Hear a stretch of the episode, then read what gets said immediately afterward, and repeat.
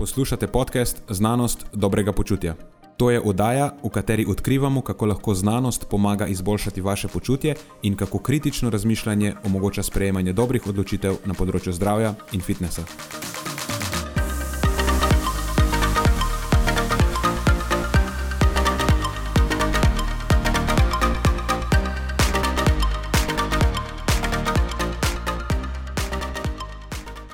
Pozdravljeni, z vami smo Nenad in moj sovoditelj Matjaš.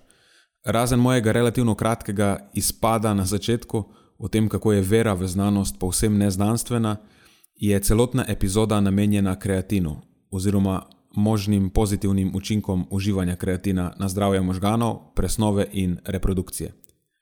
Glede na to, da z Matjažem nisva zdravnika, se seveda smatra, da smo na področju zdravja popolnoma nekompetentna kar pomeni, da je ta podcast predvsem zabavne narave.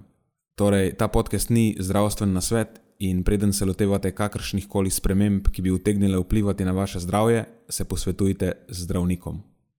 Preden začnemo, pa se moram zahvaliti še našim sponzorjem. Zaenkrat to še vedno ni velika korporacija, temveč zvesti poslušalci, ki nam izkazujete zaupanje in podporo s prijavo v našo člansko skupino Znanost dobrega počutja. Hvala vsem, ki s tem držite luči prižgane in omogočate podkastu, da raste in postaja še bolj kakovosten. Hvala tudi vsem, ki nas podpirate s pozitivnimi komentarji in visokimi ocenami, ter s tem, da priporočate podcast svojim znancem in prijateljem. Zdaj pa je končno čas za začetek epizode. Uživajte ob poslušanju.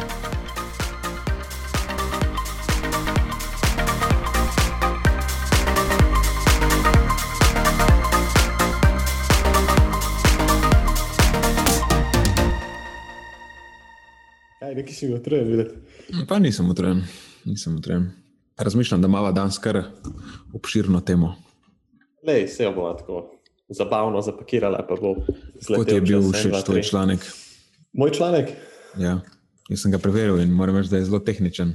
uh, ja, ja, izjemno tehničen je. Izjemno tehničen je tako da le bomo videli. Pač par teh nekih osnov bom predstavil, uh, ne bom šel preveč podrobnosti, ker se mi ne zdi ravno najbolj smiselno. To v smislu reproduktivnih organov, misliš? Tako je. Ja, tako. Okay.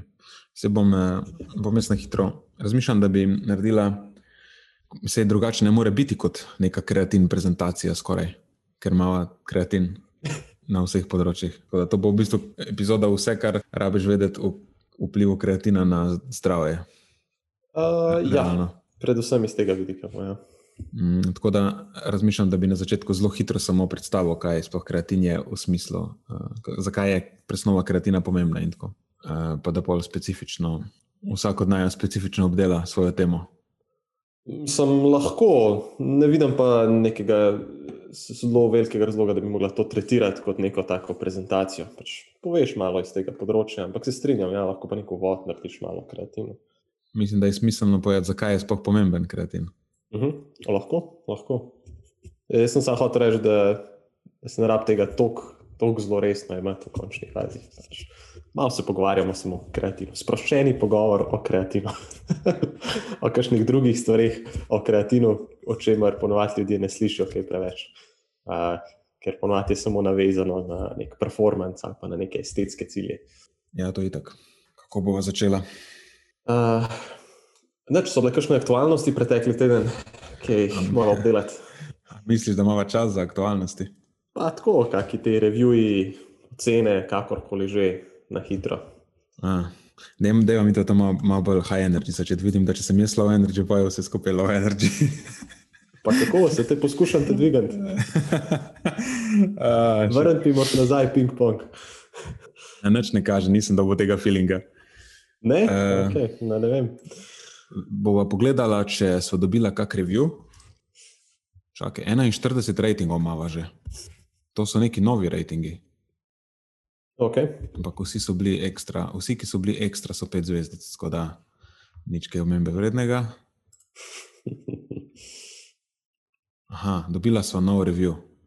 Okay, Re, pet zvezdic je review in uh, Sunshine je podpisan, podpisana naslov je super teme in potem piše, bi bilo možno kakšen članek deliti med zapiske podcasta ali vsaj navesti naslov in avtorje omenjenih člankov. To je zelo na mestu vprašanje in to že delava, ampak to je nekaj, kar dobijo tisti, ki naj jo podpirajo na Patreonu. Tako da, če koga zanimajo časovnica, zapiski podcasta, neko dodatno gradivo, ki včasih pride skupaj z temi članki, kakšne grafe in tako izrežava iz teh člankov in jih potem prilepiva direkt v Patreon. Da, ali pa ne vem, kaj ima še tiste. Ne vem točno, kaj misliš, ampak. Edina stvar, ki je ostala, eh, slovar. A, ja, no, slovar imamo, to je res. Pa še pogovarjala sva se, o, samo da se malo izpilijo, da se še te priročniki pošljajo, nekakšni prehranski. Ti bodo ja. prišli na naše top tier uh, Patreon supporterje. Tako je, ja, to je nekaj, kar spada zraven, ker imamo tri stopnje suportanja obstajajo. Ena je, da nam častiš kavo, ena je, da nam častiš sladoled, ena pa, da nam častiš malco. In tista, ki nam časti kavo, dobi časovnico in pač dostop do tega malo bolj razdeljene predstavitve vsake epizode, uh, do čim višji tiri dobijo um, priročnike. Ja, Gremo najvišji kot, tir, dobi priročnike. Bolj kot naj jo nahranite, več, več dava. nekaj, nekaj takega. Ampak realno so pač hvaležni vsakemu, ki se odloči, da naj jo podpre, mm, ker v to vlagava nekaj časa in pač uh, se samo zato se nam splača, in samo zato, oziroma splača se ne, da se nam splača. Samo zato se nam vredno, da dejansko ta čas porabljava, zato ker imamo vsak od naju druge stvari za delati. In če ne bi imela skupine ljudi, ki naj jo podpira, ne, če jim ne bi bila accountable, se ta podcast definitivno ne bi dogajal. Niti tako pogosto, niti na tem standardu, kakršen koli je ta standard, trenutno pač. definitivno. Sva pa hvaležna tudi za vse uh, revije in ocene in podobno. Absolutno. Ok, da ne zgubljam več eh, časa, počutim se umazano, potem, ko se, se promoviram. v tem pač nismo dobri, ampak tako je. Torej, danes imamo glih prej smo se malo na pol ušali, ampak na pol res pogovarjali, da bo to skoraj neka prezentacija o kreatinu. Pred kratkim je izšel special issue, torej posebna izdaja revije Nutrients.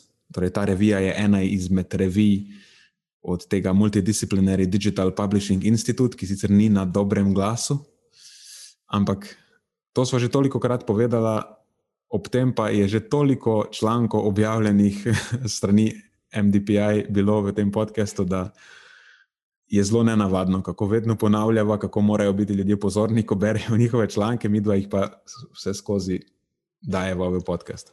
Definitivno, ampak zato pa tudi pozorna pri interpretaciji teh člankov danes. In to se bo najbrž tudi slišalo v najni komunikaciji. ja, tako je. Eh, druga stvar je pa ta, da čeprav lahko rečemo, da je relativno večji delež člankov objavljen v revijah pod okriljem MDPI tako malo bolj sumljiv, še to ne pomeni, da so vse. Eh, ena prednost tega, teh revij je, da so open access, pomeni, da jih lahko vsak prebere, da niso za, skrite za paywallom, torej niso skrite za plačljivim zidom. Tako da to je ena velika prednost in mogoče tudi zaradi tega se večkrat njihovi članki znajdejo na podkastu. Je pa tako, da to so načeloma vedno upoštevava to odkje pridejo in jih potem ustrezno vrednotiva, preden pridejo na podcast. Je pa tako, da vse povsod, ne, v vsakem blatu se lahko najde kak dragulj, če si dovolj pozoren. Ja, definitivno, to si zelo dobro povedal. Pa mislim, da se najde par draguljev eh, v teh MTPI člankih, ki bodo danes predstavljali. Ja, vse nasplošno, tudi v revijah eh, MTPI se najdejo so dobre raziskave. No. Ja, definitivno, definitivno. Je pa pač potrebno to upoštevati. Sej, že večkrat sem razmišljal o tem, da bi posnela epizodo, pa da bi namenila nekaj časa temu, tej problematiki dobre in slabe znanosti. Danes se mi zdi, pa vse lahko zdaj uporabim, mogoče mi bo uspelo v petih minutah. ne obljubim, ampak evo, tukaj gre. Mm. Nekako danes ljudje rečejo, da verjamejo v znanost, ne? tako kot so nekoč rekli, da verjamejo ne vem, v Boga ali pa v kogarkoli. Ampak znanost ni nekaj, v kar verjameš. Znanost je proces, lahko je. Se dela dobro, potem je to dobra znanost, lahko pa se dela slabo, in potem to ni znanost, čeprav je dosti krat tudi se proba maskirati kot znanost. Ne. Potem, potem v nekem ekstremnem, v neki ekstremni obliki rečemo pseudoznanost, v neki manj ekstremni pa pač sem šalabajzerstvo. Tako da razne te strani, ki so zdaj spoh v zadnjem obdobju, ko smo se v tej korona krizi razdelili na dva pola, uniki, ki verjamejo v znanost in uniki, so neki teoretiki zarote, ne? recimo, da sta to dva ekstrema. V bistvu sta pa to oboje je verska sekta, tako čisto domače povedano. Ker tudi oni, ki verjamejo v znanost, imaš te strani, uh, I fucking love science, ali pa kaj se še pomaga mi, neke te take stvari, neki razni YouTube kanali, ki pač. Uh, Se predstavljajo kot neki apostoli znanosti so, ne, in čist nekritično uh, propagirajo vse, kar pride iz ust nekih raziskovalcev, da je uh, neka posvečena resnica, sto procentno res, in absolutno ne smeš dvomiti v to. In če dvomiš v to, pol si takoj nek ne vem, takoj si že teoretik zarote. To, to je čist neznanstven pristop, to je tako čist paradoksalno. Dvomiti v znanost je zelo znanstveno. To je najbolj znanstveno, kar je možno. Ne, to ne pomeni, da si cinik, pa rečeš, ah, pa to je vse napačno, pa vse narobe, pa vsi nas zavajajo. Ne, ne, to, govorimo o pravem kritičnem razmišljanju, ne, kjer ničesar ne vzameš, eh, kako temu rečejo, zdravo za gotovo, da je tako, kot so oni rekli, ampak pač preveriš, koliko je v tem resnice in kje so mogoče kakšne luknje, in upoštevaš nijanse tega, kako je to bilo preiskano, kako je to bilo pokazano, in tako naprej. Tako da dovoljeno je dvomiti, spoh pa, ko so dvomi utemeljeni, ali pa ko je že bilo večkrat demonstrirano. Da se ljudje motijo in da so iz nekih virov prišli napačni podatki. Tako da potem je to čisto na mestu. In potem je to dejansko edini najbolj znanstven pristop. Vsekakor dvomite v znanost. Ker če ne dvomite v znanost, potem se ne obnašate znanstveno. Tudi če verjamete znanstvenikom, odrekovajih. Mislim, lahko se sliši zdaj, da sem zapletel to zadevo celo, ker se sliši zelo paradoksalno. Um, samo hočem reči, da potem to je glavna temeljna razlika, po kateri se loči znanost od drugih oblik verovanja in mnen. Je ta, da znanost dvomi sama vase.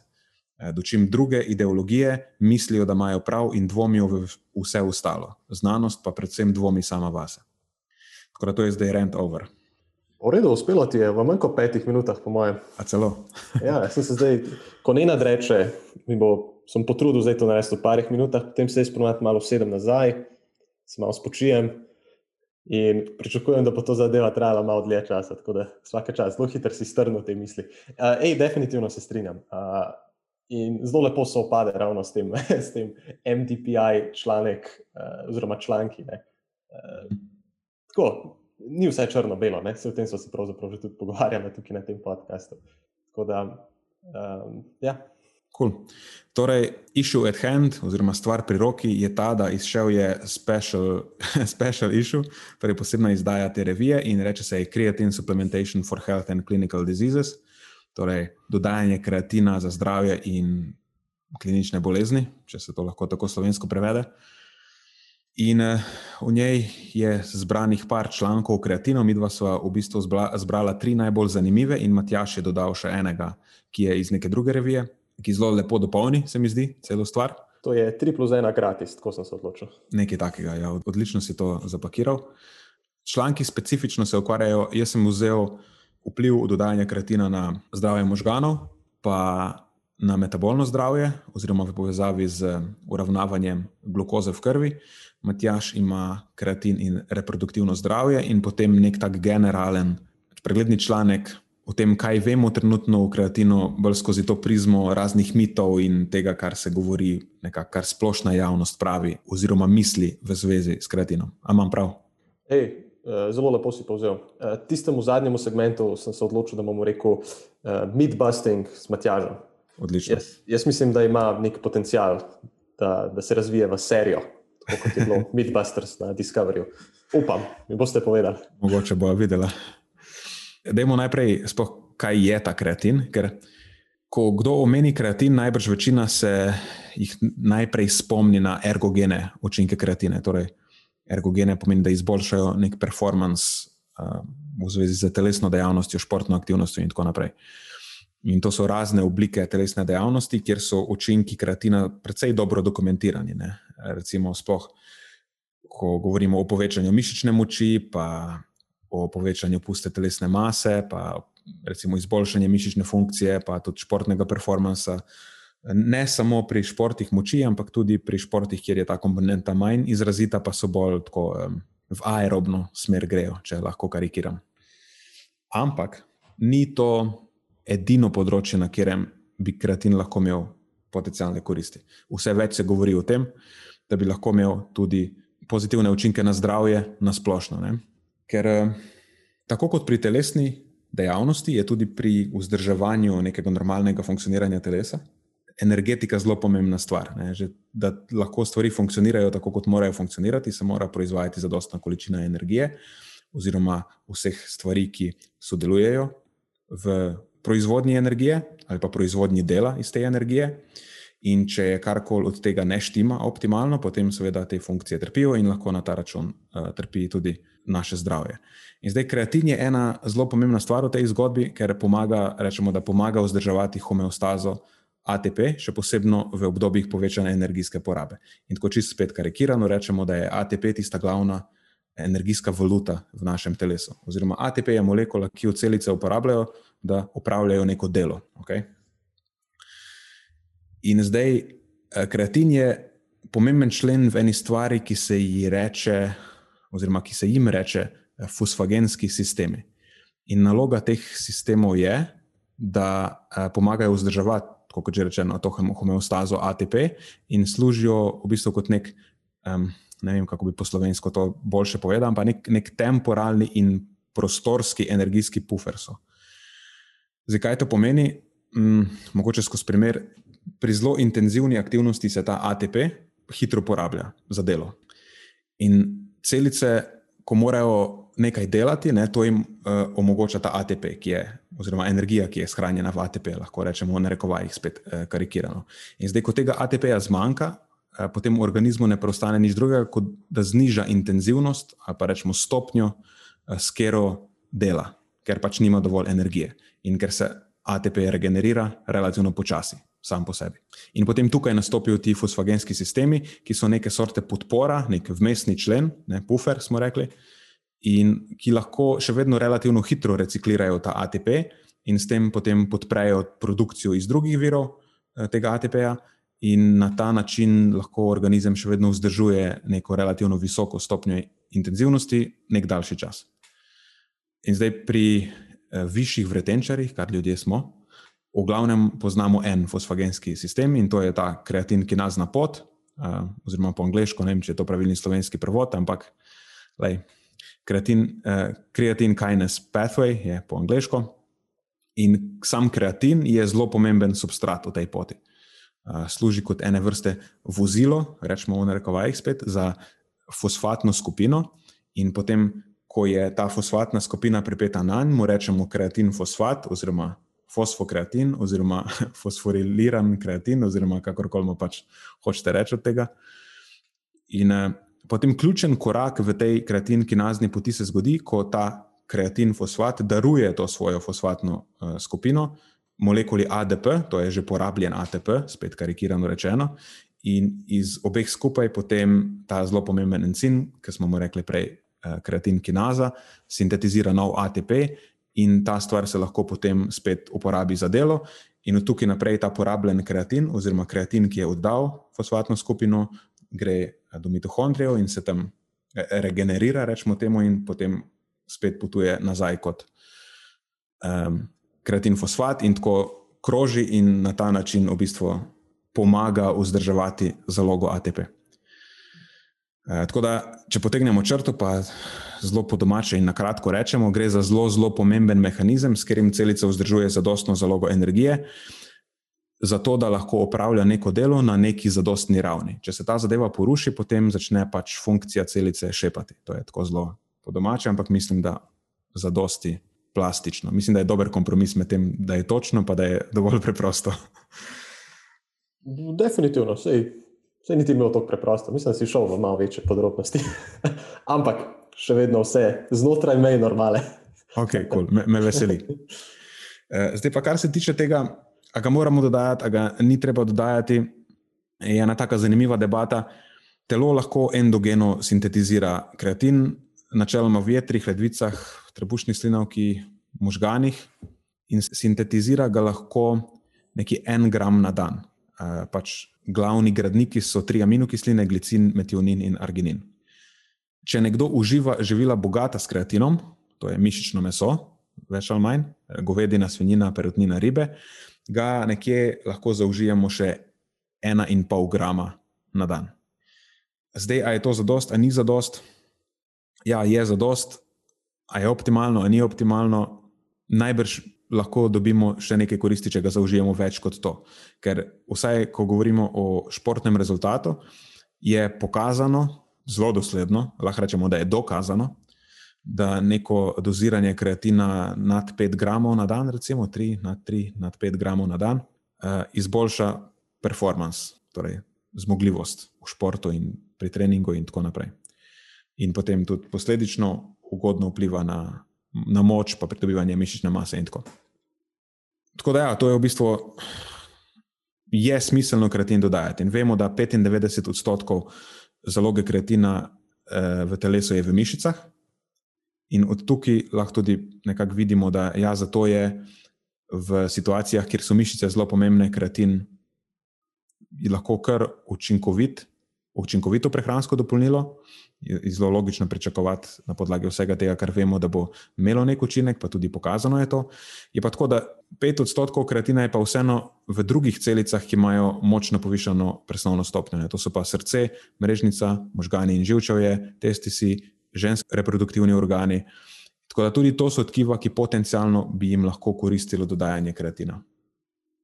In mislim, da iz tukaj potem lahko zdaj greva mi dva v svoje specifična področja. Super, odličen, odličen uvod. Tako da jaz bi skočil na deske. Cool. Tako da jaz bi kar začel s temi možgani, bi jih rešil na začetku, ker so ena taka eh, zanimiva tema, se mi zdi. No. Lahko sem pristranski sicer, ampak. Definitivno si pristranski, ampak ti ne zameram. in možgani so zelo fascinantni in zanimivi, in mislim, da si zaslužijo prvo mesto. In mislim, da tudi kar se tiče nekega evidence-based, torej te eh, podprtosti z znanstvenimi izsledki, eh, je to takoj z eh, športnim performancem najbolj raziskano področje, torej vpliv kreatina na delovanje možganov in živčevja. Tako, res je. Ja. V bistvu lahko res tako začneva. Jaz sem šla iz teh bolj, uh, bolj raziskanih področji na, na po, počasneje, vedno manj raziskana področja. Mm. Torej, pač zaradi vsega, kar vemo o kreatinu, kar smo že prej omenili, uh, predvsem v smislu energetike pri teh bolj energijsko zahtevnih tkivih, se že dlje časa predvideva o tem, da bi kreatin lahko bil uporaben v preventivi pred raznimi stanji in boleznimi uh, na področju možganov in živčevja mogoče celo bi lahko imel neko terapevtsko vlogo, ampak to je zelo hipotetično zaenkrat. V glavnem, z vsem tem se ukvarja članek uh, Creatine Supplementation and Brain Health iz že omenjenega Special Issue. Uh, avtori so pa Rochelle, Gualano, Ostojič in Rosson. Ta Gualano, gospod je znan raziskovalec na tem področju, uh, kreatina na splošno. Ostojič je pa tudi en raziskovalec, ki smo ga enkrat že ne na podkastu, sicer enkrat v pisarni smo se o njem pogovarjali iz Novega Sada, iz Bioenergetics Laba, za tisto Hydrogen Water. Mhm, se spomnim, ja. to je ta gospod. Ja. Uh, tako da imel sem na mene enkrat vprašati nekoga, če ga poznam, ampak sem pozabil. V glavnem, nima veze. Uh, to so avtori. Možgani, vemo, da so zelo presnovno, zelo aktivno tkivo in da nekako 20 odstotkov energijske porabe dnevne, nekega tega bazalnega metabolizma, gre za možgane. Torej, če samo pogledamo, koliko predstavljajo ne, same teže možgani, neko dobro kilo, pa pol se mi zdi, porabijo pa 20 odstotkov naše energije. Tako da lahko vidimo, kakšen stroj so, koliko energije dejansko porabijo. In je že samo na podlagi tega, je, lahko pričakujemo, da bo kreatin igral neko pomembno vlogo tukaj. In potem dejansko, ja, ta kreatin kinaza, ne, to je ta ključen encim, na katerem temelji kreatin kinazna pot. Eh, se izraža tudi v za možgane specifični izoobliki, to je ta brain specific uh, creatine kinase, uh, kar še dodatno nakazuje na neko pomembno vlogo kreatina v možganski presnovi. In potem tudi vidimo, da te sindromi povezani s pomankanjem kreatina, uh, ki ponavadi vključujejo nek ta brain creatine depletion oziroma pač znižanje zaloga kreatina. V možganih, to so razne prirojene presnovne motnje ali pa um, take stvari, tudi poškodbe ali pa razna duševna stanja. Eh, zato so za, ta, za te znižene zaloge kreatina v možganjih vedno značilni eh, znaki nekih bolj resnih duševnih in razvojnih motenj, ter motenj v delovanju možganov. Ne, imaš razne duševne prizadetosti, zaostanek v razvoju, avtizem, epileptični napadi. Um, to so stvari, s katerimi je motena presnova, pa status kreatina v možganih povezan. No, presnova kreatina bi pa lahko bila zelo pomemben dejavnik tudi pri kognitivnem procesiranju, še, še posebno tudi pri zdravih ljudeh, še posebno pri energijsko eh, zahtevnejših dejavnostih. Takrat, ko je ta turnover oziroma poraba ATP-ja eh, višja, naprimer pri raznih napornih kognitivnih nalogah, pri hipoksiji, torej pri, eh, v okoliščinah pomanjkanja kisika, eh, v okoliščinah pomanjkanja spanja in pri nekih drugih nevroloških stanjih. Še eno zanimivo področje pa je, so traumatske poškodbe možganov, eh, v bistvu bolj blage traumatske poškodbe možganov, eh, tukaj je kreatin raziskan. Eh, pri teh stvarih se pa tudi lahko spremenijo energijske potrebe možganov, in spet lahko kreatin igra neko vlogo, ker reši del te, reši del presnove, ne je nek razbremeni del preostale presnove na nek način. Tako, tako je. Recimo, značilen je ta hipometabolizem glukoze in potem lahko kreatin nekako prevzame del tega bremena, če, seveda, če je status zadosten. Tako, ker v nekem uh, homeostatskem stanju, če prav razumem, možgani in centralni žilčni sistem zaužijajo tam 100-150 ali celo več gramov glukoze dnevno. Tako. V takih situacijah pa seveda to mogoče ni ravno mogoče. Ne? Tako, tako je. Ja. Uh, ja, točno to. Eh, te razne spremembe, ki se zgodijo s poškodbami, zelo zmotijo lahko eh, presnovo glukoze v možganih. Za možgane, ki pretežno uporabljajo glukozo in skoraj nič drugega, je to lahko precej katastrofalno, če nimajo nekega nadomestnega vira. Vse več o tem bomo kasneje, ker je uh mhm. -huh. poseben od, odsek namenjen samo temu. Mislim, kaj vemo o vplivu samega dodajanja kreatina na kreatin v možganih, je zelo zanimiva stvar. Možgani lahko endogeno proizvajajo kreatin, nekako lahko si zagotovijo svoj kreatin, ampak obstajajo tudi transporterji za kreatin in se nahajajo v, tudi v krvni možganski pregradi, v nevronih, v oligodendrocitah. Tako na relativno dostih mestih v možganih so, in to nakazuje, da se možgani potem zanašajo ne izključno na endogeno sintetiziran kreatin v možganih, ampak tudi tisti, ki je ali sintetiziran v drugih tkivih, ali pa je pač eksogeno pride v telo, torej ga zaužijemo s prehrano. Je pa res, da kreatin v prehrani ni močno povezan s kreatinom v možganih. Eh, zgleda tako, da je zadeva očitno dokaj strogo regulirana. Načeloma so ugotovitve trenutno take, da imajo vegani in omnivori v možganih podobne koncentracije kreatina, eh, kar ne nujno drži za mišice. Ne? Tam vemo, da so nekako pozitivne učinke pri veganih bolj dosledni. Uh, so pa z vsebnostjo kreatina v možganih bolj povezani starost, čeprav imamo tudi tu mešane podatke, še bolj od tega pa so z kreatinom v možganih povezani kognitivna in fizična aktivnost, uh, depresija, schizofrenija in panični napadi.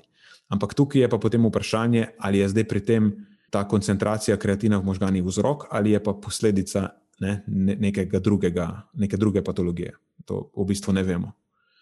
Mm, naslednja pomembna stvar je ta, da večina teh ugotovitev je nekako uh, ugotovljena ali pa pokazana v pogojih normalnega prehranskega vnosa. To je pač pri ljudeh, ki ne jemljajo kreatina v obliki prehranskega dopolnila. Zelo malo pa vemo o tem, kako na kreatin v možganjih vpliva dodajanje večjih količin, ne, ki jih lahko zaužijemo zgolj v obliki prehranskega dopolnila. Tako da zaenkrat to težko rečemo, no, ker imamo velika je prvič heterogenost v tem, kako merimo kreatin v možganih, kako dolgo so raziskave trajale, ne vse te standardne stvari, kakšne odmerke so uporabili, ne, kakšne so bile značilnosti preučevanja populacije. Tukaj je kupenih stvari, ki jih ne vemo. Ampak nekako kljub vsemu lahko rečemo, da zbrana literatura nakazuje na možnost, da suplementacija vsem poveča vsebnost kreatina in fosfokreatina, ne logično, v možganih. Um, je pa tako, da povečanje je najbrž precej manjše kot v mišicah. Ne. Je vse na povečanje, ampak v manjši meri. Um, zdaj, v številkah imamo ducat raziskav, dobesedno ducat, Eh, pregled pravi, da jih je 12, obstaja 12 raziskav o učinkih dodajanja kreatina na koncentracije kreatina in fosfokreatina v možganih, in od tega 9 jih kaže, na signifikantno povišanje kreatina v možganih. Torej, dosti dosledno. Ampak v povprečju je to povišanje približno 5 do 10 odstotno, dočim v mišicah je lahko tudi do 30 odstotno. Ne? Tako da je kar občutna razlika. Um, je pa tako, da spet nekatere od teh študij so na populacijah z spremenjeno energetiko v možganih, ali so to ne vem, neke ženske z hudo depresijo. Vem, da so bile v eni raziskavi, pa potem so bili ljudje po uporabi amfetaminov, pa neka druga raziskava je, so bili ljudje z to depresijo odporno na te SSRI-je, to so um, pač to zdravilo, ki so selektivni zaviralci ponovnega prevzema serotonina. Mm, in tako naprej. Ne. To niso glih ljudje na podlagi, oziroma niso raziskave na vzorcih, ne, na podlagi katerih bi lahko potem ekstrapoliral na neko splošno populacijo ali pa zelo generaliziral. V tistih študijah, kjer pa ni učinka, pa tudi ne vemo, ne, zakaj ga ni. Zdaj, morda igrajo vlogo izhodiščne ravni, ker pač ni bil merjen, preden so začeli dodajati, ampak so pač samo začeli dodajati. Pač, če so začeli dodajati nekomu, ki že ima zadostne ravni, ne moremo pričakovati nekaj drastičnega. Ne, mogoče karakteristike populacije so lahko take, da eni se boljše, eni slabše odzivajo, spet kako so merili te stvari, tako da kupenih stvari ne vemo. Mm, e, je pa tako, ja, pač špekulira se torej, da se možgani na eksogeni kreatin uh, zanašajo bistveno manj kot mišice in uh, smo ljudje manj odzivni na prehranski vnos. Je pa ena stvar hipotetična še, da bi lahko večji odmerki kreatina, pa vseeno potem vplivali na kreatin v možganjih v večji meri. Ampak zaenkrat je tudi to slabo raziskano. Obstaja ena raziskava, uh, Dešent in sodelavci, ki so dodajali 20 gramov na dan kreatina 4 tedne, uh, kjer so pokazali bolj signifikanten učinek. Tako da to je dosti velik odmerek, to ni nekaj, kar bi jaz priporočil komorkoli. Uh, pa ne zato, ker bi mislil, da je to škodljivo, ampak čistko se mi zdi ne, nepotrebno, se mi zdi. No. Ta cost-benefit kalkulacija nekako se mi ne izide. Uh, sploh pa ne na podlagi ene raziskave. Uh, še nekaj zanimivega za prihodnje je pa to, da mogoče bolj učinkovito od kreatina bi lahko bilo dodajanje uh, ekvimularnih odmerkov guanidino-ocetne kisline. To je pa en prekurzor kreatina. In ta guanidino-ocetna kislina lahko prehaja krvno-možgansko bariero po večjih poteh kot kreatin. Tako da to bi mogoče bil mehanizem več je pride lahko v možgane in se potem tam iz nje sintetizira kreatin. Ker ta gvanidino-ocetna kislina je tako že na pol poti do kreatina, recimo, karikirano rečeno. Uh, tako da to je, kar vemo o vplivu uživanja kreatina na ravni kreatina v možganih. Um, potem pa ne, nas zanimajo seveda outcomi, kakšni so pa dejansko zdaj izidi, ko damo ljudem uživati kreatin v dopolnilo. In tudi to je nekaj, kar se že zelo dolgo raziskuje, ampak nažalost je tudi to precej, mislim, na tem področju je zelo, rezultati so zelo heterogeni. No. Uh, to je eden izmed tistih primerov, kjer samo to trajanje tega, kako dolgo se stvar raziskuje, ni garancija za kakovost raziskav na tem področju. In pol težko, kljub temu, da je full nekih pozitivnih rezultatov.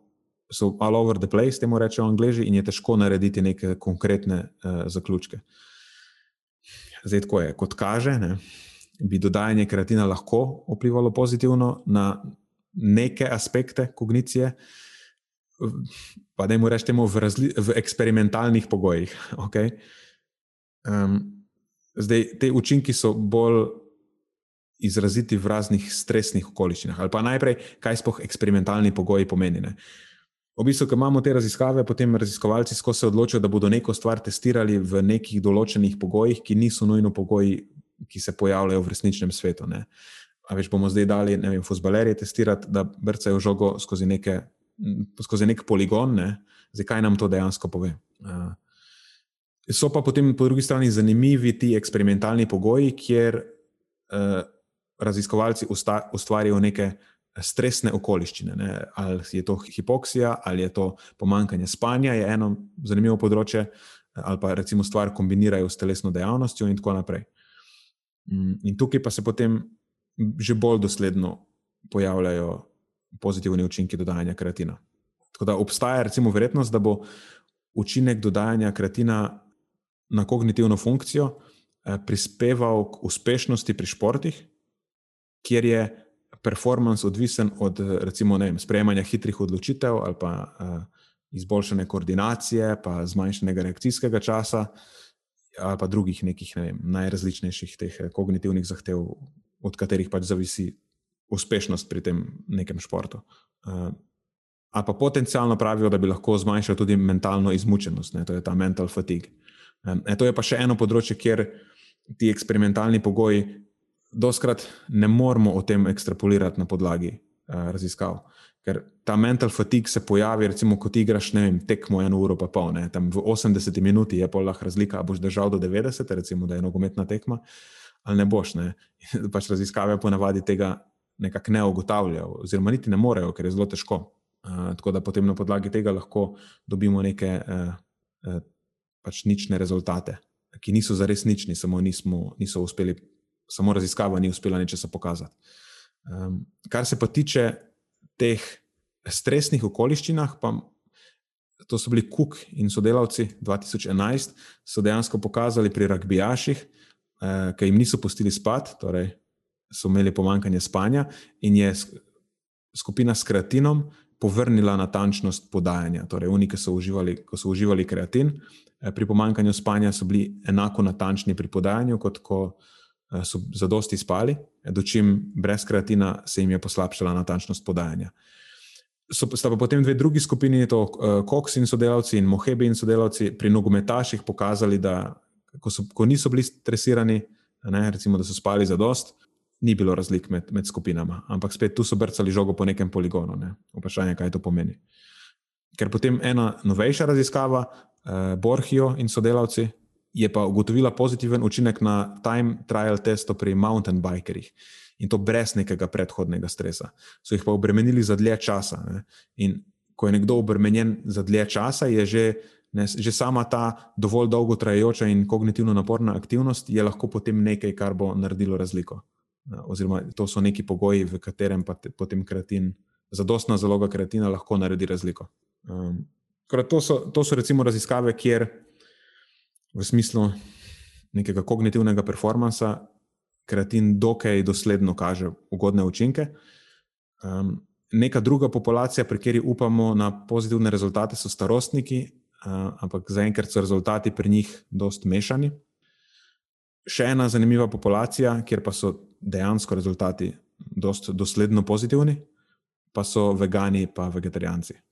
Um, čeprav tukaj je pa problem, da je teža dokazov dost šipka, um, malo je raziskav. In ne vem, če me vprašaš, nekako ni mi realno. Ne vidim, zakaj bi se vegani in vegetarijanci odzivali bolje, glede na to, da imajo načeloma enake koncentracije kreatina v možganjih kot omnivori, ne, ki bi bil zdaj tu potencijalni mehanizem.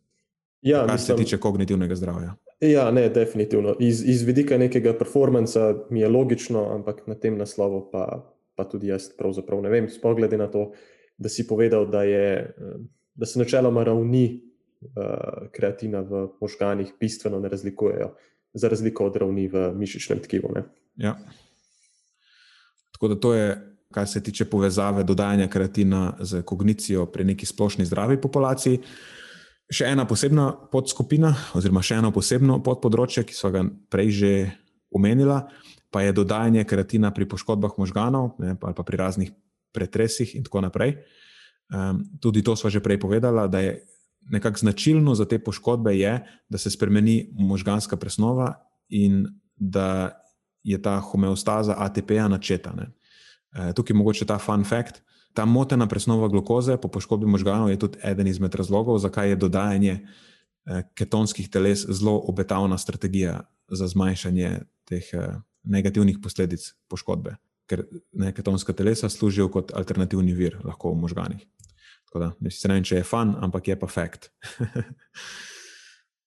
In ja, tudi po poškodbah so zaznane zmanjšane koncentracije kreatina v možganih ne, kar spet nekako namiguje, da bi lahko bilo dodajanje kreatina pri tem potencialno zdaj koristno.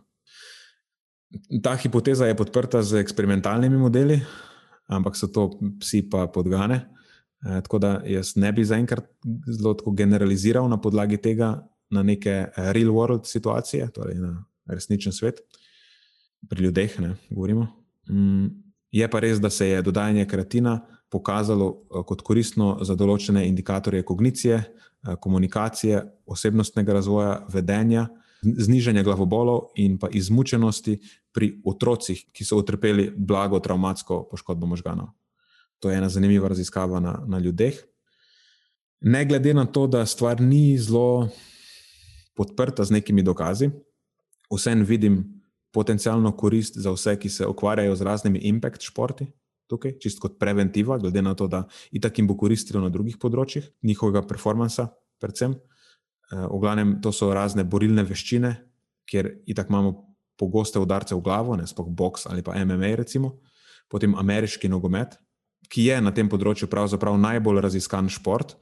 Ne, pri bivših NFL športnikih je izjemno visoka razširjenost eh, znakov pač nekega kognitivnega upadanja in pa tudi raznih neurodegenerativnih bolezni, mislim, da Parkinsonova in tako naprej. Eh, no, mogoče pa tudi nogomet, ne, naš nogomet. Eh, sploh, ko človek se spomni na razne strele z glavo, kjer je žoga pogosto zelo hitra, ne, zadane glavo s precejšnjo silo. Tako da se sprašujem, kako potem to vpliva na, na možgane. Ali pa v primeru malo bolj uh, moških iger, ali kako jih že uh, pogosto označijo, kakšni ja. komovčki, udarci in podobne ja, stvari. Ja. Ampak recimo, ne, da nekdo udari tako dosto hitro letečo žogo z glavo desetkrat na tekmo, recimo, da je nek napadalec. A so potem tu ne, neki mini pretresi možganov desetkrat na tekmo. Veš, če ti igraš vsak teden tekmo, sprašujem, kako, kako kronična izpostavljenost temu vpliva. Ne vem, nisem videl še nobene raziskave, ki bi potrdila to mojo hipotezo, ampak samo sprašujem se. Zanimivo vprašanje. Pa zdaj, če vzameš morda še v obzir eh, sam trening, kjer se seveda trenira te udarce ja, z glavo, predvidevam. Ja. in, in je najbrž teh udarcev še bistveno več. Ej, zanimiva ideja za raziskavo. Ja. Torej, če se kdo s tem ukvarja. No, da ne bom, eh, in tako sem že dolg, čist na koncu zaključek, če naredimo. Pač lahko rečemo, mislim, da je to korektno, da dodajanje kreatina bi potencialno lahko pozitivno vplivalo na kognitivno procesiranje, eh, pa na neko dolgoročno zdravje možganov. Um, Torej imamo nek akuten pozitiven vpliv, ki ga lahko pričakujemo, pa mogoče tudi dolgoročno eh, lahko reši zdravje možganov za nekaj časa. Um, in sploh, kar se tiče pa nekih akutnih učinkov, so pa ti najbrž bolj izraziti neki, v nekih okoliščinah, za kere je um, značilno pomanjkanje kreatina v možganih ali pa neka spremenjena presnova v možganih. Eh, recimo pri nekem ne, akutnem stresu, ne govorimo o naporni telesni dejavnosti ali pa pomankanju spanja, um, ali pa pri nekih eh, kroničnih, tako, patoloških stanjih, ne, kjer imamo un, ali gre za neke deficite v delovanju oziroma izražanju encimov, ki so vpleteni v sintezo kreatina, uh, ali so to neke blage traumatske poškodbe možganov, uh, pol mogoče pri staranju, ne, če pride do upada. Uh, pa pri stanjih, kot so depresija ali pa neka druga ne vem, neurodegenerativna stanja. Je pa tako, da pač ne poznamo odmerka, ki bi ga lahko priporočali. Vemo, da za šport se pač priporoča ne, tam nekje okoli 5 gramov kronično. Uh, ne poznamo trajanja, pač spet za šport rečemo, da pač jemlji ga do konca življenja. se tukaj ne bi pričakoval, da je uh, kaj drugače, bolj se sprašujem, kakšen je učinkovit odmerek. Uh, ne, in tudi se to pa izhaja iz tega, da sploh ne poznamo odmerka, ne poznamo tega uh, razmerja odmerek odziv, ne, uh, da bi lahko rekli, do katerega vnosa lahko pričakujemo koristi in kje se potem ta krivulja počasi zravna. A misliš, da bi bilo fair, če rečemo, da je po vsej verjetnosti ta številka nekoliko višja, kot je v primeru nekih športnih ali estetskih ciljev, ker je ta privzem kreatina v možgane načeloma malo nižji, oziroma počasnejši napram mišičnemu tkivu, ali se ti ne zdi, da je temu tako? Mm, v bistvu bi rekel, da ne vem, no. ne bi uporešti. Ja. Uh mhm. -huh. ja, ne, mislim, da nimamo za dost podatkov, da bi lahko to rekli. Ok, super. Zelo zanimivo področje. Da se pa premikava iz, iz možganov dalje ja. na reproduktivni sistem. Tako je. Same te pomembne sisteme danes obdelujeva. Seveda so, morali, tako, seveda so pa morali najprej za začetek omeniti mišice, ne, pa estetske cilje, pa šport, ker to nam je pač najbolj pomembno. To je najbolj pomembno. Skratka, ja, uh, jaz sem pa ukvarjal z enim uh, pregledom literature, naslovljen Creatine Metabolism in Female Reproduction, Pregnancy and Newborn Health, uh, ki je bil pred kratkim objavljen strani Mucini in sodelavcev. In zelo veliko stvari, o katerih si že ti govoril, Nenad, zelo dobro pojasnijo, zakaj bi kreatin bil lahko koristen v teh situacijah. Preden pa nadaljujem, se moram jaz malo pohvaliti, ker to je v bistvu moj uradno, moj prvi članek priporočila strani Tine. Uh, Zaenkrat jih je pošiljala samo Nenadu, ne bom rekel, da sem zdaj bil, veš, kaj pretirano zavisten ali kakorkoli že, ampak veš, skozi čas se nabere. ne, je to vse. Uh, kar bi omenil, no, za res, preden začnem, je, da je to narrative review, torej ta posebna oblika preglednega članka, ki ne uporablja tega sistematičnega pristopa in je običajno lahko podvržena večji meri pristranskosti. Zdaj, pač to ni nujno nekaj slabega, ampak se mi pa zdi nekaj, kar je pač vredno vzeti v obzir. Um, ok, poglejmo si, kje se zdaj kreatin vklopi v celotno zgodbo, konkretno v primeru ženskega reproduktivnega zdravja. Torej, eh, kot je Nena to v bistvu že zelo dobro omenil, eh, ženski reproduktivni organi so pravzaprav eno izmed tistih energetsko gledano bolj potratnih tkiv v telesu, ki v določenih situacijah eh, postanejo v večji meri lahko odvisni od kreatin fosfata kot nekega vira obnove energije. Niso to zdaj samo ženski reproduktivni organi, so seveda tudi moški reproduktivni organi, da ne bom zdaj spolno diskriminiral. ampak, ampak ja. da, to, kar si že ti povedal, ne na dva vodu, um, da so ta uh, energijsko gledano bolj potratna tkiva, v večji meri odvisna od kreatin kinazne poti obnove kreatina. Uh, tako da na tem naslovu bi morda samo izpostavil nekatera uh, ključna mesta v ženskem reproduktivnem sistemu, oziroma skozi to žensko reproduktivno obdobje, kjer je kreatin bolj prisoten. Recimo, morda prva izmed takih stvari je ta, da imamo relativno dobre dokaze, da je energijska homeostaza tako endometrija, to je ta notranja plast, notranja epitelna plast maternice, kakor tudi miometrija, torej srednja plast maternične stene, v večji meri odvisna ravno od kreatin fosfata. Potem, recimo, presnovo kreatina lahko zasledimo tudi v ocitih. To so ta, preprosto rečeno, nezrela jajčica, ki za svoj razvoj in pa pripravo na oploditev potrebujejo zelo velik delež energije. Potem presnovo kreatina, poleg teh ocitov, lahko zasledimo tudi v specializiranih somatičnih celicah, ki obdajajo te ocite in jim pomagajo pri nadaljem razvoju v embrijo. Potem je tukaj pot obnove energije preko kreatina, oziroma to pot obnove preko kreatina lahko zasledimo tudi v folikularni tekočini, ki vsebuje razne metabolite, ki so ponovno ključnega pomena za rast in razvoj teh ocitov. Potem presnovo kreatina recimo zasledimo tudi v materničnem tkivu, kjer je sama regulacija um, ni najbolje razumljena na tej točki, vemo pa, da se sama presnova kreatina močno poviša v času povišanih energijskih potreb, primarno med nosečnostjo, še posebej uh, tekom zadnjega tri meseča in pa potem tekom samega poroda. Uh, in zdaj, če smo že pri sami nosečnosti, uh, spet eno izmed takih energijsko gledano visoko porabnih tkiv predstavlja tudi placenta, ki po eni strani terja zelo velik dotok hranil, kisika ter sočasno seveda tudi odtok nekih presnovnih produktov metabolizma in vedno več dokazov imamo, da bi poleg oglikovih hidratov, maščob in aminokislin potencialno morali na seznam teh pomembnih za ohranjanje celične bioenergetike virov energije dodati tudi presnovo kreatina. In ponovno, če smo že pri nosečnosti, ne, skozi samo nosečnost, vemo, da lahko zasledimo velike spremembe v presnovi kot taki, in eden izmed teh naslovov je seveda tudi presnova kreatina, pri čemer kreatin skozi celotno nosečnost spet predstavlja nek pomemben substrat proizvodnje energije, ki po vsej verjetnosti igra zelo pomembno vlogo za optimalno rast in pa zdravje bodočih novorojenčkov. In Na podlagi tega pregleda literature lahko zasledimo, da se potrebe po kreatinu skozi celotno nosečnost nekoliko povišujejo, v neki manjši meri, in so spet najviše v zadnjem trimesečju, kar je precej logično, glede na to, da so takrat energijske potrebe tudi najviše. Um, eno zanimivo stvar, ki jo ta pregled literature tudi izpostavi, je neka korelacija med telesno maso in pa dolžino novorojenčkov v odvisnosti od statusa kreatina matere, kar bi spet lahko potencialno nakazovalo na neko vlogo suplementacije tekom nosečnosti.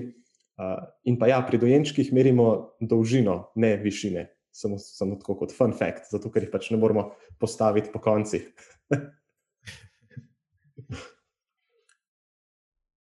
Zelo uporabno. Zelo uporabno. Zelo uporabno. No, če ste se kdaj spraševali, če želite izmeriti višino svojega dojenčka, ne da se, dolžino merimo. Uh, okay, naslednja točka bi bila recimo še ta, da je zadostna razpoložljivost kreatina prav tako potencialno pomembna iz, oziroma ne potencialno, ampak zagotovo je pomembna iz nekega vidika razvoja centralnega žilčnega sistema novorojenčkov, predvsem na tem vidiku rasti in pa razvoja aksonov in dendritov. Zdaj, to je samo nekaj izmed teh točk, kjer kreatin fosfat igra neko pomembno vlogo kot vir obnove energije. Predvsej sem jih tudi izpustil, ampak namenoma zato, ker ne želim, da izgubljava preveč časa na tej točki z vsemi temi podrobnostmi, pa da zgubiva vse poslušalce.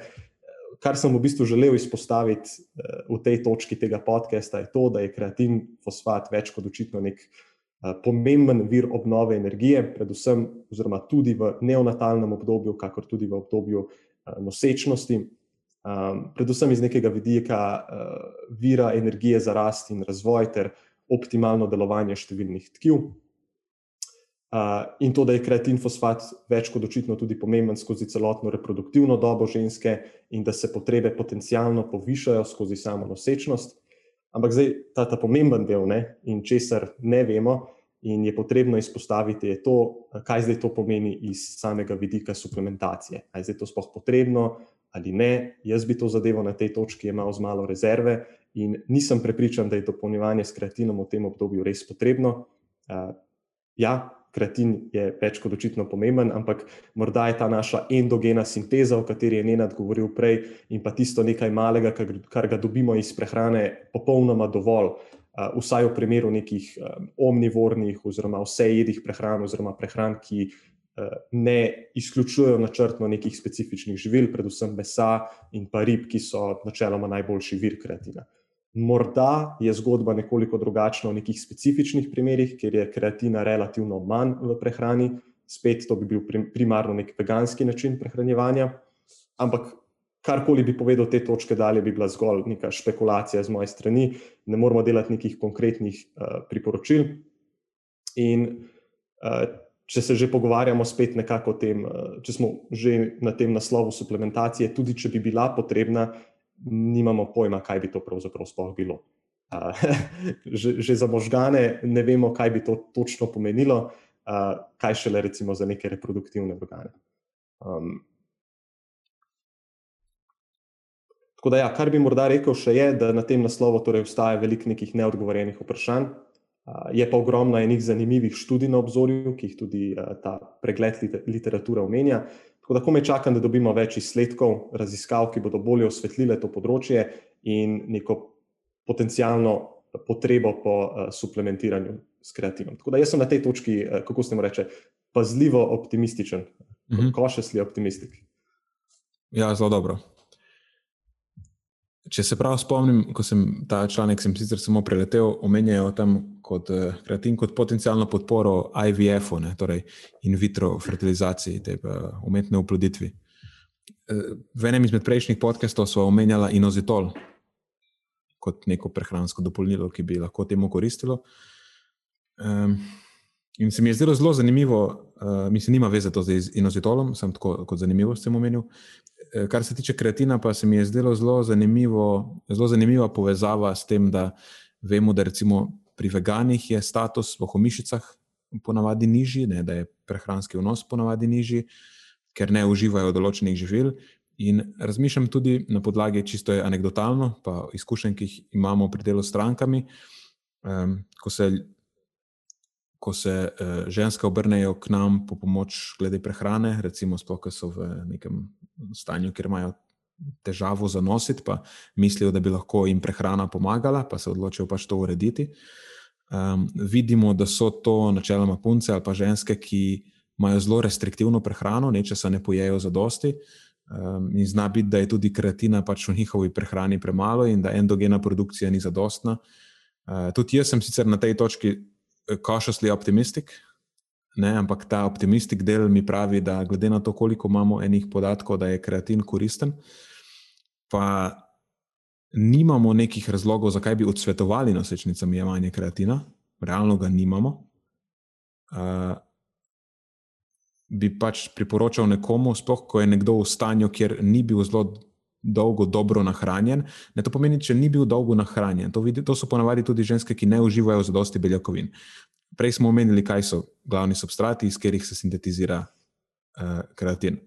Pač to so aminokisline, uh, po drugi strani je tudi proces, preko katerega se sintetizira, je pač metilacija, je tudi hranilno gledano intenziven proces. Uh, Eh, potrebuje B vitamine in tako naprej.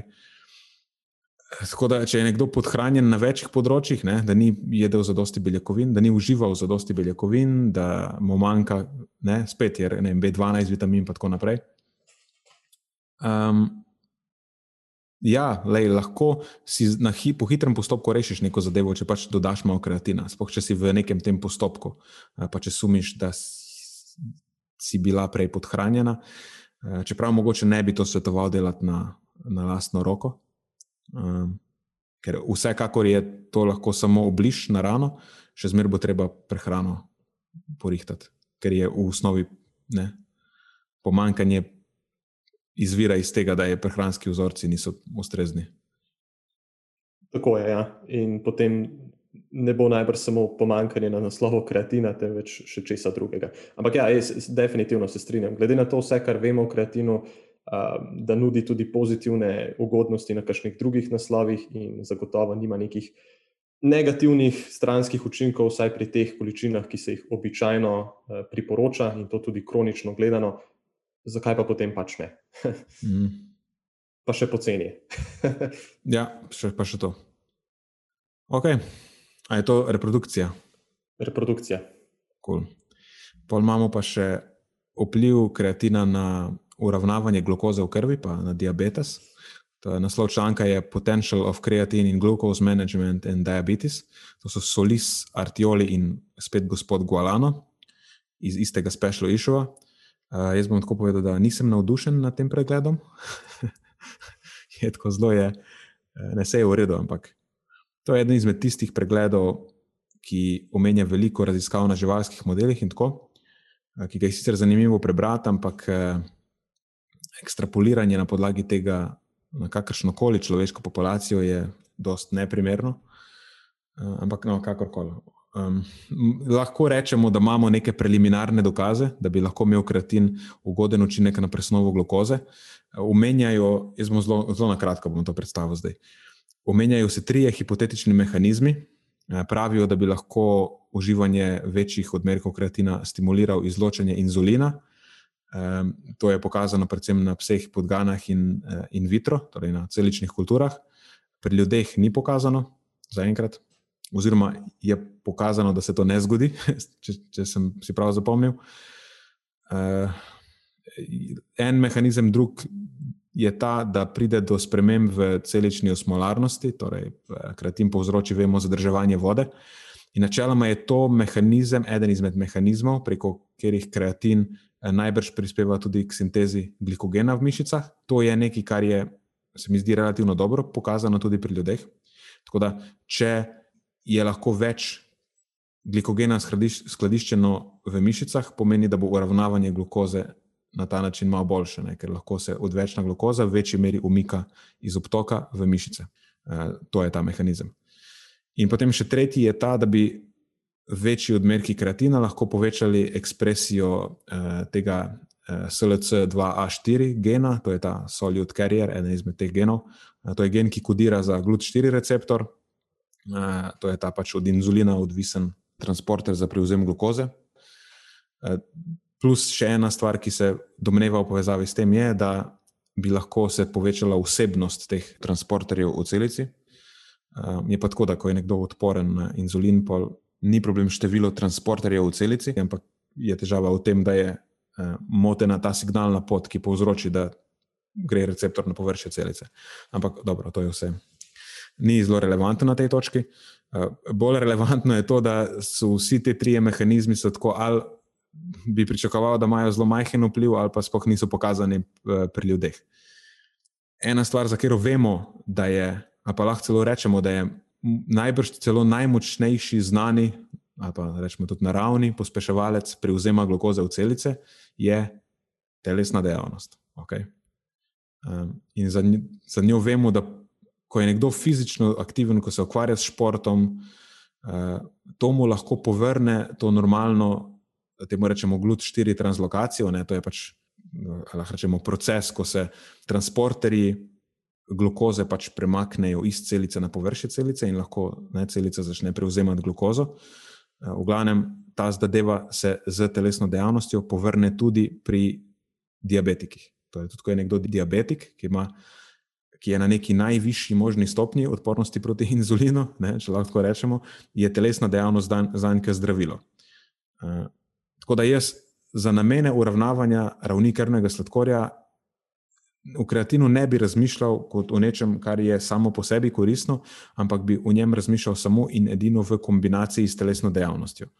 Zdaj, s tem se tudi avtori članka nekako strinjajo in pravijo, da je največji potencial kreatina ne v namene ali pa v podporo uravnavanja krvnega sladkorja, glih v kombinaciji kreatina skupaj z telesno dejavnostjo.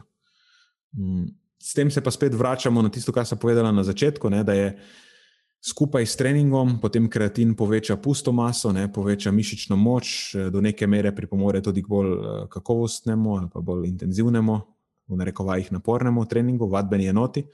In vse to potem bo imelo ugoden učinek na uravnavanje krvnega sladkorja. Več mišic, kot imamo, več glukoze lahko prevzamemo v njih, eh, bolj naporno, kot treniramo, ne več energije porabimo, spet več glukoze se lahko ustrezno presnavlja, in tako naprej.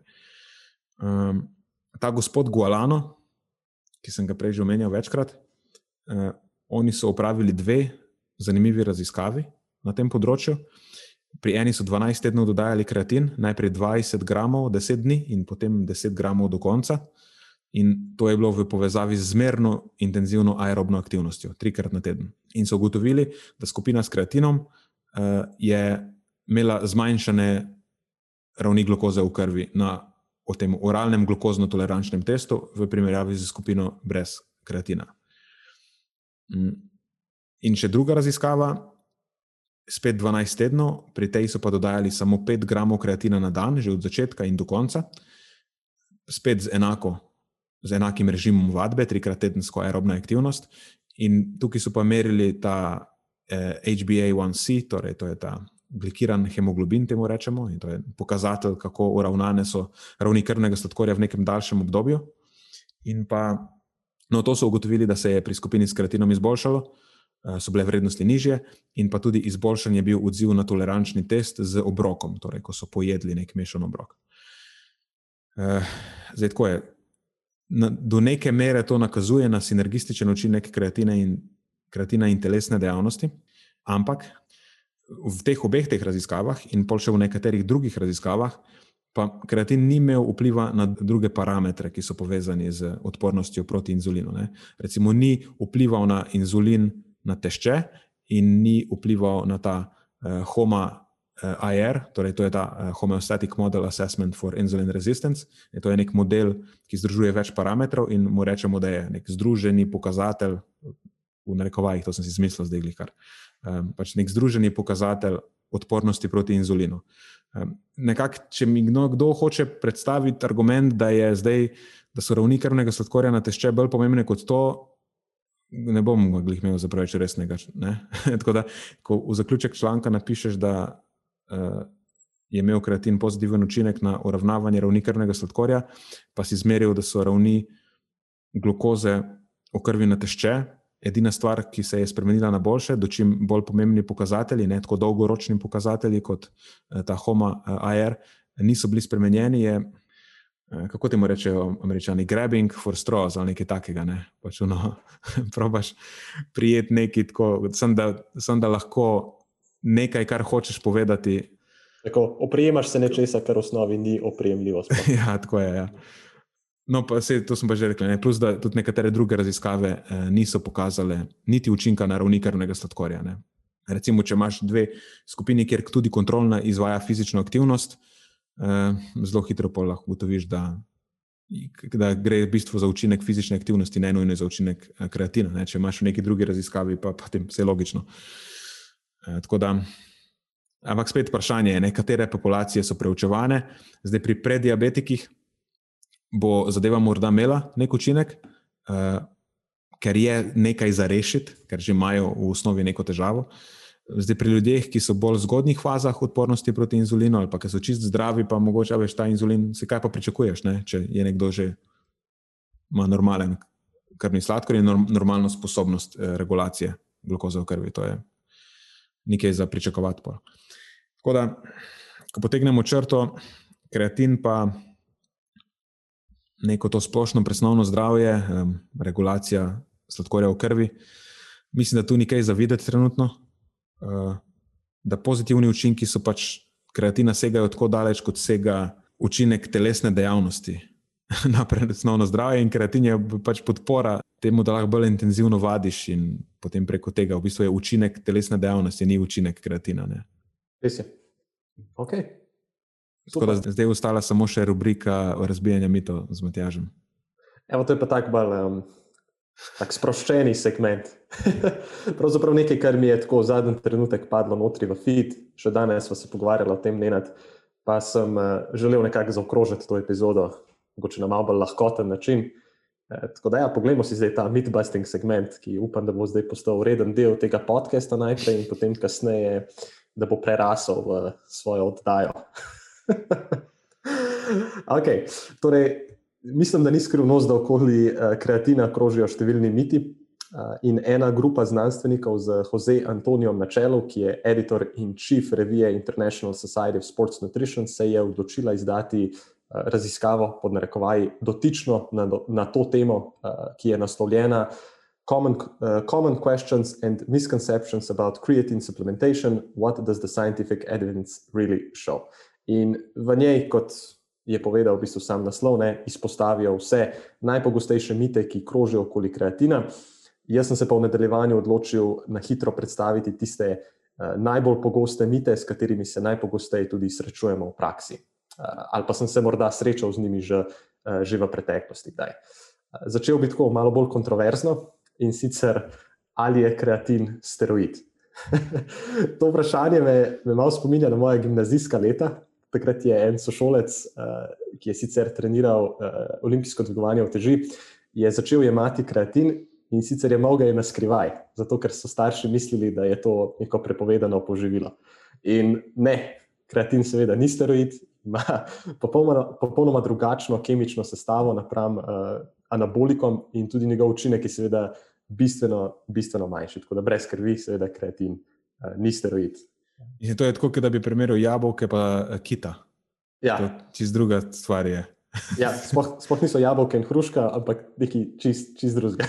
Uh, tako da, ja, brez skrbi. No, tiste, če ste kdaj to le slišali, ali pa ste morda nek mlad športnik, ki, ki to posluša, lahko sem naslovite svoje starše, če imate, če imate slučajno kakšne polemike na tem naslovu.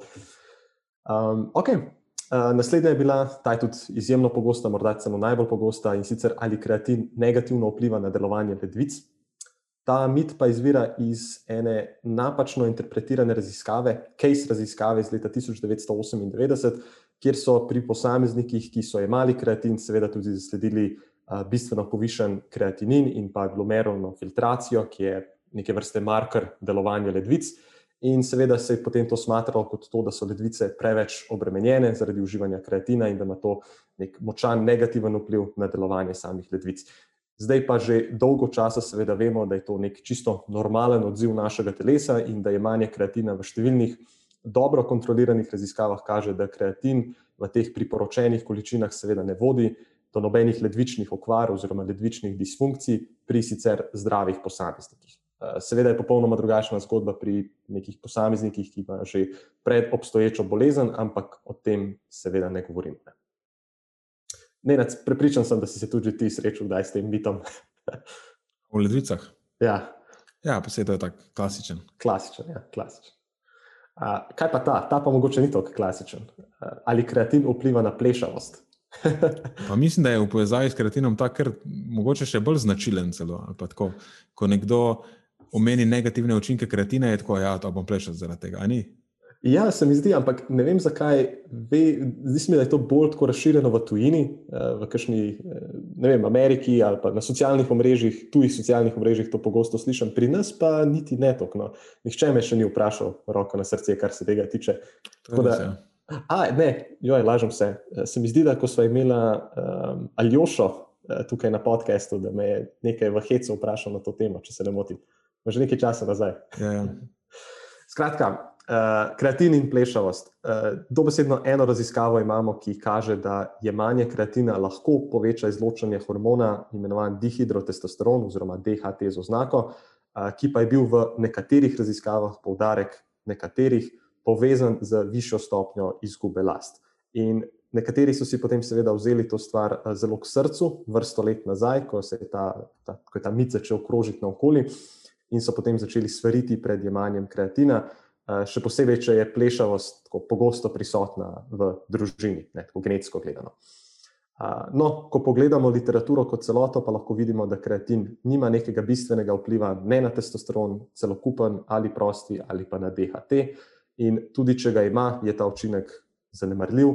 In pa tudi, če ga ima, to še ne pomeni avtomatično, da bo ta rahlo povišeni DHT res imel negativen vpliv na plešavost. Tako da mislim, da lahko kar z gotovostjo trdimo, da je kreatin tudi varen iz tega vidika, uh, brez skrbi, ker nadaljujete z jemanjem kreatina. To je neka tako zelo huda, to je ena izmed najhujših oblik ekstrapolacije, ki sem jih jaz kadarkoli videl. Ja, to je tako, je par preskokov. Ja, ampak res jih moraš narediti, ker je ne par. Mogoče vpliva na to, to pa mogoče vpliva na to. ja. Uh, ja, v glavnem, ne skrbeti, lasje ne bodo trpeli, vizualni izgled zagotovo ne, ker nadaljujte z jemanjem kreatina. Uh, potem imam pa tu še dve zelo pogosti vprašanji na naslovu kreatina in pa hidracije. Zdaj, kreatin je zelo hidrofobna molekula, pač nas se veže vodo in pri kroničnem jemanju potem poviša do določene mere intra in pa ekstracelularno tekočino. Mislim, da je res hidrofilna. Pa tako je, hidrofilna, hvala. se vidi, da se približuje v koncu te epizode moja kava že popušča. Kava in kakav, to je zdaj kombinacija pred podcasti, sem tako ne, da si me inspiracijo si mi dal, tisto epizodo takrat.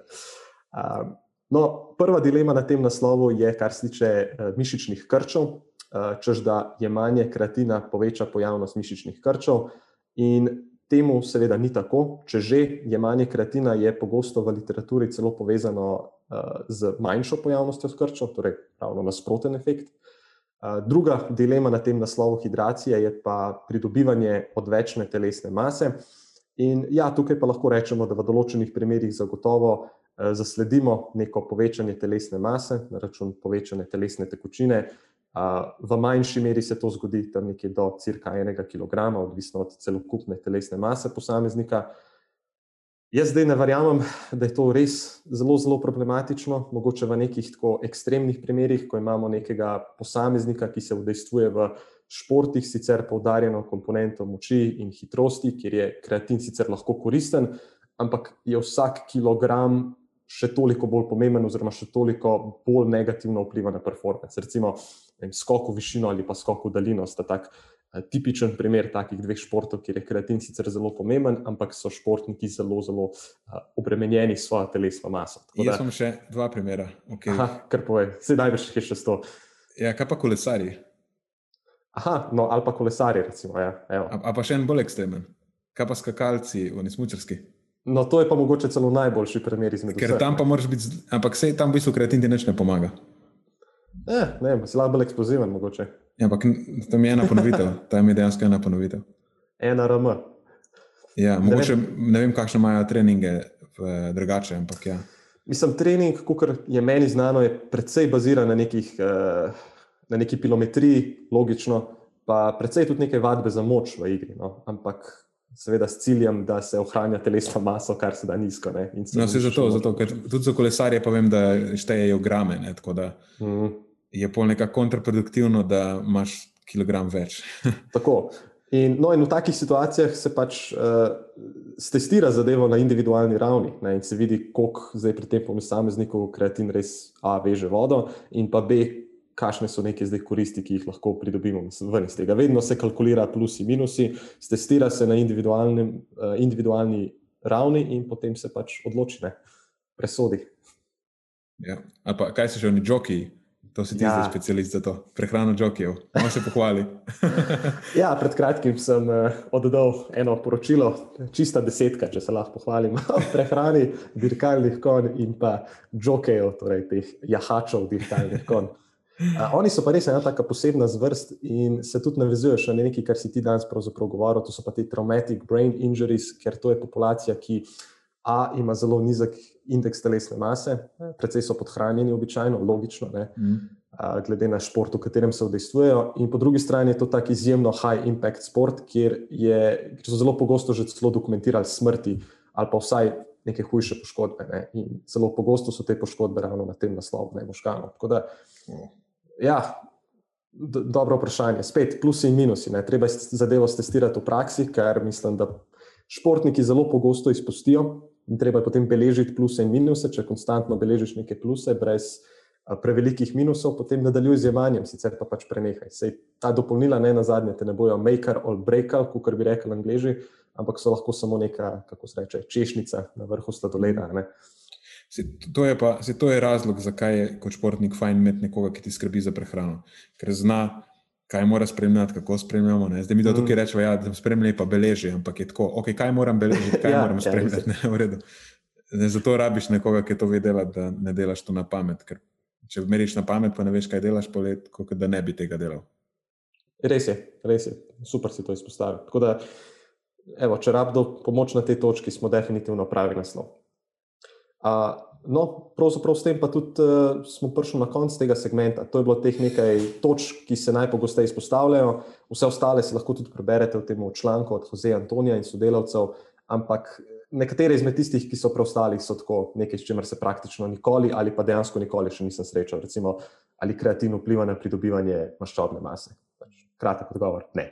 Uh, mogoče sam še čisto za konec, Nenad. Uh, danes je bila v bistvu či, čisto na zadnjem mestu, eh, predvsej zapostavljen je bil ravno ta športni aspekt, sva se pogovarjala pravzaprav bolj kot ne o vsem drugem. Mm. Kratin uvrščamo dejansko v peščico teh dejansko koristnih prehranskih dopolnil in če vas zanima več o načinu jemanja, principu delovanja, pa ne samo kreatina, ampak tudi preostalih dejansko učinkovitih prehranskih dopolnil za performance, potem bi vam priporočal ogled našega priročnika na to temo. Najdete ga pa na naši spletni strani pod zavihkom produkti in prehranski priročniki. Nekaj sem hotel še povedati. Aha. E, prej, ko smo se pogovarjali o e, nosečnicah, pa o tem, e, če jim je smiselno, da suplementirajo te stvari, pa so nekako, v bistvu, se, kljub temu, da so rekli, da so zadržana, optimistična, so se nagibala proti ja. Jaz bi dodal še eno pomembno, en aneks k temu, je ta, da Eh, jaz bi obravnaval vse populacije, ki so high risk populacije, torej populacije visokega tveganja, kamor spadajo tudi nosečnice, pa otroci. Eh, tudi, ja, tudi otrokom, zakaj ne bi dal otrokom kreatina, recimo, ja, ok, v redu, če se pač oceni, da ne vidim tudi v tem problema, ne bi sicer priporočal, ampak recimo. Uh, mislim, ne, da ne bi priporočal, ker bi lahko bilo škodljivo, ampak ne bi zdaj rekel, ok, dajte svojim otrokom kreatin samo zato, ker. Um, bi jih obravnaval kot š profesionalne športnike, ki so testirani. Kaj to pomeni? To pomeni to, da bi jim suplementiral samo izdelke, ki so uh, preverjeni strani neodvisnih organizacij, ki so Informed Sport, uh, izdelki ponavadi in tako, ki imajo podobne certifikate. Sicer kreatin, spoh če je od neke priznane znamke, načeloma ni doskrat unesnažen, ampak lahko bi pa bil, zato je smiselno izbrati kreatin v teh primerih, ki je preverjen. Sem to sem želel še dodati. Ej, bravo, to si, to si se fenomenalno spomnil. Ja, uh, Inform Sport, Corner Liste, NSF, karkoli izmed teh certifikatov čistosti bo, bo zadostovalo, ampak mm. definitivno pa je ja, zelo smiselno, sploh v teh nekih kritičnih obdobjih življenja. Zdaj pa še ena pomembna stvar. Glede na to, da smo govorili toliko o zdravju in prehranskih dopolnilih, to bi mogla že na začetku povedati, ampak bo zadost na koncu. Mi dva nisva zdravnika, Tako da, če se odločite za suplementacijo z kreatinom, za nek specifičen namen, ali pa uh, ste se to odločili zaradi zdravja ali kakorkoli, ne poslušajte naj, mi dva o tem nimamo pojma realno. veš, kao, uh, in se posvetujte z, predtem z svojim zdravnikom. Tako da, uh mhm. -huh. To je to. Odlično. odlično. Evo, tako smo zaokrožili The All Creative Podcast. Zdaj pa ja. lahko postiva to dopolnilo na miru nekaj časa. Ja, to bo zdaj spet ena izmed daljših epizod, imam občutek. Okay. Uh, da, da te malo razveselim, Nenad. Naslednjič se mi zdi, če prav štejem, je pa že mnenjski podcast. Tako je, mnenjski okay. podcast. Ker videl sem, zaiskrile so se ti oči. uh, in sicer, če se ne motim, pogovarjamo se o naših uh, idolih. Ja, o role modelih, tako role zgodovinskih osebnostih in sodobnih, uh, še živečih osebnostih, tako, uh, ki nam služijo za vzgled, tako ali drugače. Tako.